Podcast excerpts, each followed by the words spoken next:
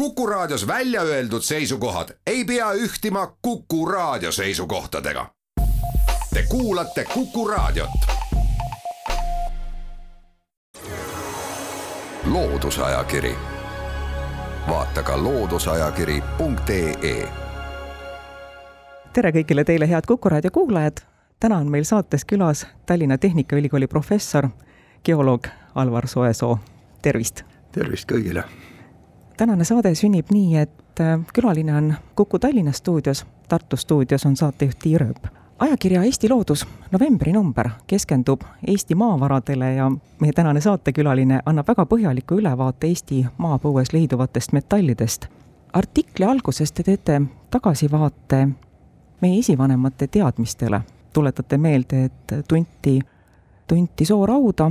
tunti ka tumedaid äh, mineraale, mida teaduse keel kutsub galeniidiks ja svalerdiiniks, aga mida siis lihtsamas keeles võib ka nimetada plii- ja tsingimaagiks. Te kirjutate sellest ka, et äh, Rootsi kuninga käsul seitsmeteistkümnendal sajandil Pilistvere ümbruse põldudelt korjati galeniidi mugulaid. mida nendega edasi tehti, kas need oli nii ohtralt, et tasuski korjamist? Niimoodi äh, räägivad jah, ajaloolased, mina ajaloolane ei ole, nii et ma usun nagu tarkade inimeste kirjutisi, et et juba pea mitusada aastat enne seda, kui pärisorjus Eestis lõppes, ka Eesti talupojad said siis nii-öelda käsu teatud Eesti piirkondadest põldudelt kokku sellised mustad kamakad ajada, mustad ja rasked, ja ega ma täpselt ei tea, mis nendega tehti, ühed ürikud ütlevad, et nad viidi Rootsi ja seal nad sulatati siis nii-öelda pliiks plii on teatavasti sulab üpris madalal temperatuuril, räägime seal kolmsada kolmkümmend, kolmsada nelikümmend kraadi, eks ju. Ja kõik see muu jääb siis nagu sulamata, nii et pliid oli juba siis lihtne nagu kätte saada, aga minu teada küll mitte Eesti talupoegade jaoks, et Eesti mõisnikud vist seda asja nagu koha peal väga ei, ei ajanud. Eesti loodusest teie artiklist saab lugeda, milliseid väärtuslikke metalle leidub Mustas kildas, selle all asuvas liivakivis fosforiidilasundis ning veel sügavamal kristallsetes kivimites ehk siis Eesti aluskorras. millised geoloogilised uuringud praegu Eestis käivad? kõigepealt äh, võib nagu ajaloos jälle väheke tagasi hüpata, et Eesti oli päris hästi uuritud omal ajal, tuhat üheksasada kuuskümmend, seitsekümmend, kaheksakümmend, sest äh, siis me olime nagu Nõukogude Liidu koostisosa ja Nõukogude Liit äh, väärtustas oma maavarasid väga palju nii nagu tema järglane Venemaa väärtustab. siis, kui me vabaks saime, vabaks saime ka tänu nii-öelda fosforiidisõjale, vähemasti osaliselt, et see oli selline kaval, kaval trikk, aga see kaval trikk äh, andis nagu sellise tõuke, mis võib-olla ei olnud nagu Eesti maapõue uurimise vallas äh, kõige parem. et kõik maavarad nagu olid mingil hetkel põlu all ja nii kahju, kui see ka ei ole, me olime kuskil kolmkümmend aastat elasime ilusas Eesti Vabariigis, taasiseseisvunud vabariigis ja me ei tegelenud oma maavarade uuringuga. loomulikult põlevkivi uuriti edasi ja, ja, ja liiva, kruusa, et see, mis oli selline mitte fosforiidiga nagu sarnane ja nüüd viimased aastad, ma ütleks, et võib-olla viimased viis aastat on olnud ikkagi Eesti riigis demokraatlikus Eesti riigis äh, suur läbimurre ka selles suunas ja ja on käivitatud nagu mitu riiklikku programmi, et üks äh, pooleteistaastane, kaheaastane programm lõppes paar aastat tagasi, praegu käib selline suur programm nagu Resta, et me väärindame maavarasid, nii et äh, riik on seal fookusesse seadnud nii selle graptoliitargiliidi kui fosforiidi kui ka aluskorrametallid, nii et kolm sellist väga selgelt äh, defineeritud nagu, aga ka väga erinevat äh, maavaragruppi või geoloogid nimetavad seda kivimite gruppi ja, ja need uuringud käivad.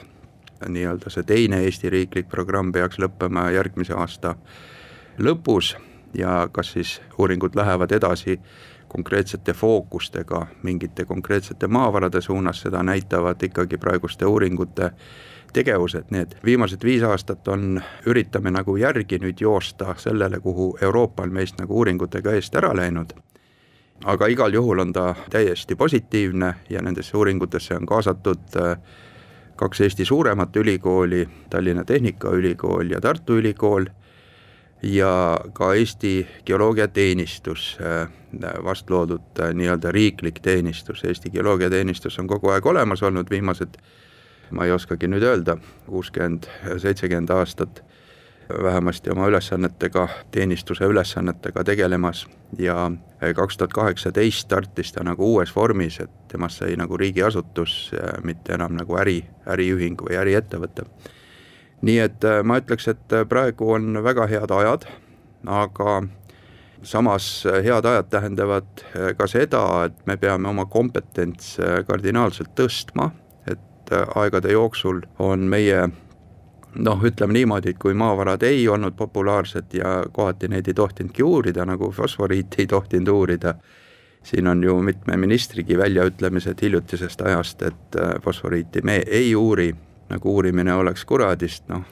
teised äh, sellised demokraatlikud riigid ikkagi käsitlevad uurimist kui teadmiste ammutamise äh, vahendit ja teadmiste põhjal saab teha otsuseid ilma teadmisteta otsuseid teha nagu ei tohiks, ehkki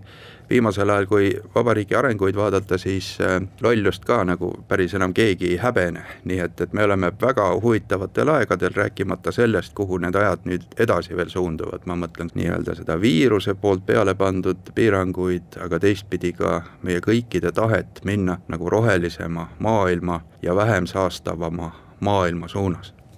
kas me tunneme huvi ka selle vastu, mida leidub Läänemere põhjas? kas Eesti uurib seda? minu teada praegusel hetkel me Läänemere põhjas olevaid maavarasid siiski ei uuri, et seal oli ka riikidevaheline programm kuskil viis aastat tagasi, mis korraks nagu kaardistas, noh teatavasti ma saan aru, et te küsite ja mõtlete neid mangaani konkretsioone, mis seal setete nii-öelda piirpinnal tekivad ja kuhu siis kontsentreeruvad lisaks mangaanile ka mitmed teised elemendid. Minu teada kahjuks neid praegu ei uurita, aga teistpidi seal kümme aastat tagasi veel Venemaa teatavasti kaevandas neid siitsamast Soome lahest oma territoriaalvetes mangaani tootmise eesmärgil, aga minu meelest mangaani oli sealt nii raske kätte saada, et ka nad loobusid sellest. aga kindlasti on see üks suund, mis tuleks ka nüüd jätkuvalt ära kaardistada, kui me nüüd oma maa sisse vaatame, maapõue vaatame, siis peaks ka mere alla vaatama ja meresetetest ka väheke sügavamale vaatama, et ära kaardistada siis ähm, need potentsiaalsed võimalused, me ju tegelikult kaardistame võimalusi ja loome teadmiste baasi, et keegi tark inimene saaks otsuseid teha kunagi tulevikus. loodusajakiri, vaata ka looduseajakiri.ee loodusajakiri läheb edasi. kuku raadio Tallinna stuudios on Tallinna Tehnikaülikooli professor Alvar Soesoo, saatejuht Tiia Rööp on Kuku raadio Tartu stuudios. me jätkame Eesti maapõues peituvate väärtuslike maavarade teemal. haruldased muldmetallid saavad järjest enam tähelepanu. kas meie fosforiidi lasundis leiduvate muldmetallide varud on Euroopa kontekstis arvestatavad, tasuksid kaevandamist? kindlasti tasub uurida seda ja, ja me oleme siin uurinud ja ma mäletan isegi veel Tallinna Tehnikaülikoolis esimesed äh, fosforiitide nii-öelda täppisuuringud me tegime noh, ka peaaegu kümme aastat tagasi, siis neid ei lubatud veel teha. nii et kuna laboriseadmestik oli olemas, siis äh, uurisime neid äh, Prahopodi kodasid, sellised ilusad kojad päris mitme suurusega ja avastasime, et haruldasi muldmetalle on seal tuhandeid kordi rohkem kui nii-öelda retsentsetes sarnastes kodades merede sees me teadsime, et äh, nendes kodades on fosfor, noh, apatiidi koosseisus fosfor aga siis me saime ka teadmise, et äh, selle samuse apatiidi koosseisus on ka haruldased muldmetallid. Eestil ei ole vaja häbeneda selles mõttes, et Eesti fosforiidivarud on äh, vähemasti Euroopa suurimad, konkureerib seal maailma äh, nii-öelda tippvarudega, me enam-vähem teame selle varude suurust kui me vaatame seda Eesti fosforiiti, siis ta on tõesti kompleksne maavara, et see ei ole ainult fosfor, et toodame väetist ja, ja selliseid asju, võib-olla osa fosforit läheb ka sõjatööstusse ja toiduainete tööstusse ja see kasutussfäär on kindlasti laiem, aga kui nüüd keegi peaks seda fosforiiti kasutama hakkama, siis ma kujutan ette, et me peaks just haruldaste muldmetallide suunas seda vaatama. Ja seda enam, et Euroopa Liidul kahjuks ei ole olulisi kaevandusi praegu haruldaste muldmetallide jaoks ja Euroopa Liit noh, peaaegu nagu Ameerika Ühendriigidki,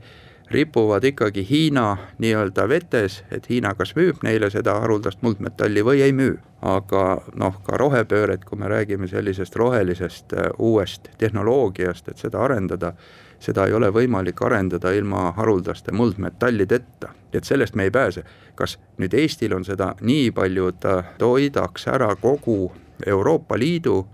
noh, on küll palju aga seal on mõistlikud aastapiirid, mida on mõistlik kaevandada.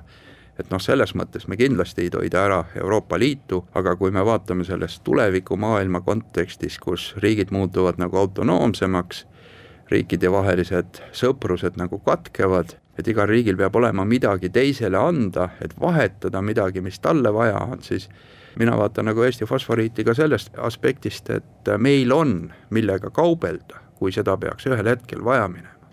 kas te oskate prognoosida, kui kaugel võiks olla see aeg, kui me hakkame aktiivselt rääkima fosforiidi kaevandamisest või kuidas me üldse teeme oma inimestele selle teema söödavaks? võib-olla ennem võiksime rääkida sellest, et asteroididelt hakkame kaevandama kui Eesti maapõuest. kahjuks jah, see fosforiidisõja nagu negatiivne mälu on väga aktiivselt nagu edasi kasvanud, aga ehkki nagu ma ütlesin ka, et viimased viis aastat on Eesti inimene kindlasti arenenud väga tublisti eh, teadmiste nii-öelda baasil ja talle on pakutud teadmisi ja noh, kas või näiteks Eesti Looduski aeg-ajalt kirjutab Eesti maavaradest, ma kujutan ette, et väga paljud inimesed loevad Eesti Loodust aga nad ei loe neid teadusartikleid, mis on Eesti maavarade suunas, nii et äh, väga hea nišš, eks ju, Eesti inimest nagu õpetada ja just neid teadmisi edasi jagada, sest teadmisi nüüd tekib juurde aastas päris palju, nii et võib-olla praegune üks aasta võrdub sellega, mis oli kakskümmend aastat tagasi viie aasta jooksul, eks ju. et me oleme palju efektiivsemaks ka läinud teadmiste loomisel, aga ma nii otseselt ikkagi ei näe seda, et Eesti fosforiit nüüd nii kaugel oleks või selle fosforiidi kasutamine. et asteroidide peale on väga palju projekte tehtud ja, ja mitmed asteroidid on ka nii-öelda juba füüsilisi katsetusi läbi teinud, aga oleme ausad, ega Eestimaa ei hakka kunagi või Eesti tehnoloogia, Eesti inimene, Eesti kompaniid ei hakka kunagi asteroididelt kaevandama lähema kolmekümne aasta jooksul. aga selle lähema kolmekümne aasta jooksul ma ei ole küll kindel, et meil ka rahval, sellel rahval, kes võib-olla praegu veel osaliselt sellele vastu seisab, tekib ikkagi huvi oma majanduslikku heaolu kindlustada, aga selleks, et kindlustada, selleks on siis midagi vaja. Tootmisse anda, tootmisse võtta, vahetuskaubana välja käia ja, ja nõnda edasi, nii et kohvipaksult ei taha ennustada, aga, aga ma ütleks äh, nagu enda arusaama, et pigem jah kui ei. meil on olemas Sillamäel jäätmemäed, meil on Maardus kaevandusjäätmed mida me sealt võiksime ammutada, saame me sellega hakkama? Sillamäe jäätmemäed on kindlasti väga, väga huvitavad, need kaeti kinni väga korralikult, äh, radioaktiivsust väljapoole ei levi, äh, halbu nii-öelda raskemetallidega saastunud vett ka kuhugi välja ei voola. ja ega meil seal väga palju uurida polegi, et me peame baseeruma seal üheksakümnendate alguses tehtud äh, Rootsi ja ma ei tea, mis maa eksperdid kõik oma hinnangud andsid. Ja need üksikud numbrid, mis aeg-ajalt siis ka ajakirjanduses liiguvad ja, ja minagi neid reprodutseerin, on siis Sillamäe kohta näiteks sellised, et kui me räägime uraanist, siis selles hoidlas võiks olla umbes tuhat kakssada tonni uraani ja lisaks näiteks kaheksasada tonni tooriumi kui palju on äh, haruldasi muldmetalle sinna nii-öelda tootmisjääkidesse jäänud, äh, ma kardan, et äh, praegusel hetkel ei ole meist keegi võimeline seda, seda isegi arvutama, et see, sellist ettepanekut ka on päris raske teha, et lähme sinna ja puurime paar puurauku ja võtame konkreetsed äh, nii-öelda proovid ja, ja teeme selle hinnangu ära. aga kes teab, Maardu või siin Tallinna lähedal Maardu taga on, on hunnik kraptoliiti, argiliiti nii-öelda kuhjatud koos siis lubjakivi ja, ja liiva ja kõige muuga kokku. Ja see on põhiliselt siis sellest ajast, kui Eesti kaevandas fosforiiti. Ja seal erinevate hinnangute järgi seda kraptoliiti, argiliiti kuhjades võib olla kuuskümmend kuni seitsekümmend viis miljonit tonni. Ja loomulikult, kuna see on juba nii-öelda nagu tööstusjääde, siis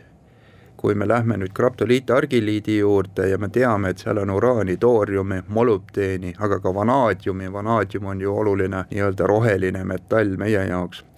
Et siis selle asemel, et minna nüüd maapõue seda kaevandama, võiksime ju selle kaevandusjäägi nii-öelda ära, ära tarbida ja muuta ta nagu keskkonnale ohutuks. ehk võtta sealt välja siis ka kindlasti uraan ja, ja toorium, mis seal on ja noh, seal saab mingisuguseid lähedasi arvutusi teha analoogia põhjal, et me enam-vähem teame, palju ühte või teist metalli on selles graptoliitargiliidis ja, ja siin me oleme omavahel ka kunagi arvutanud, et et seal Maardu taga kuhjas on võib-olla umbes kolm tuhat seitsesada tonni uraani ja, ja ka umbes seitsesada, kaheksasada tonni tooriumi, kui me räägime nüüd tuumakütustest. Aga samas tuhandetes tonnides on äh, ka kõiki teisi metalle, kui me räägime tsingist, räägime molübdeenist, räägime vanaadiumist, seda saab nagu laua, laua peal ära teha või arvutis ära teha, ei pea isegi nagu võib-olla esimesi proove sealt või täiendavaid proove võtma. aga idee iseenesest küll, kui me lähme ka sellise nii-öelda rohkem taaskasutatava maailma suunas, et kõike seda produkti, mis me loome oma heaoluks, saaks nagu pikemalt ja pikemalt kasutada, siis noh, jäätmed on kindlasti üks asi, mida me peame õppima kasutama. ja kui nüüd fosforiidi juurde tagasi hüpata, siis kindlasti, kui kellelgi nüüd on see idee seda kaevandama hakata, siis ärme võib-olla korda seda, mis me tegime nagu põlevkiviga, lähme selle nii-öelda sel juhul selle kaevandamise peale ikkagi sellise haritud inimese mõttega ja loome ka need tehnoloogiad kohe ja praegu, mis kasutavad siis praktiliselt kõik need ka jäätmed ära, mis selles nii-öelda fosforiidi ja haruldaste muldmetallide tootmisel tekivad. oleme saateaja kõige viimase sekundini ära kasutanud. milliseid väärtmetalle leidub Eesti maapõues sellest saab soovi korral lugeda ajakirja Eesti Loodus novembri numbrist. saatejuht Tiiu Rööp tänab külalist, Tallinna Tehnikaülikooli professor Alvar Soesood, aitäh teile, aitäh kõigile kuulajatele, jälle kuulmiseni! loodusajakiri, vaata ka looduseajakiri.ee